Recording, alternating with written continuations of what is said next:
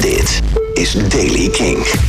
Nieuws over Best Kept Secrets, de popprijs, Roadburn, Supergrass en My Chemical Romance. Dit is de Daily King van maandag 20 januari. Maurits Westerik, de directeur van het Best Kept Secret Festival, vertelde tijdens de opname van de Kink en Festival podcast op Eurosonic dat hij overweegt om het volledige voedselaanbod op het festival vegetarisch te maken. Het zou me niet verbazen, zei hij, als we het zo gaan insteken, omdat het zoveel scheelt. En het zijn maar drie dagen in een heel jaar. En het helpt je volledige uitstoot enorm omlaag te brengen. Floor Jansen, zangeres van eh, de Finse metal, eh, metalband Nightwish, heeft de popprijs 2019 gewonnen. Dat is bekendgemaakt tijdens Eurosonic Noorderslag afgelopen zaterdagavond. Ze is al tientallen jaren een bekend gezicht in de metal, maar vooral haar deelnemen en ja, eigenlijk doorbraken door en via het programma De Beste Zangers heeft haar de popprijs opgeleverd. De jury noemt Jansen een van de beste, meest veelzijdige zangeressen van Nederland. Nog meer prijzen werden er uitgereikt tijdens Eurosonic door een slag. Tijdens het jaarlijkse IJzeren Podiumdierenfestival. Waaronder meer de beste programmeur, beste marketeer, maar ook het beste festival wordt gekozen. En dat is dit jaar geworden het Roadburn Festival in Tilburg. Kortom, een goed weekend voor de metal. De eerste editie van Roadburn vond plaats in 1999 en wordt vooral geprogrammeerd met metal en experimentele muziek.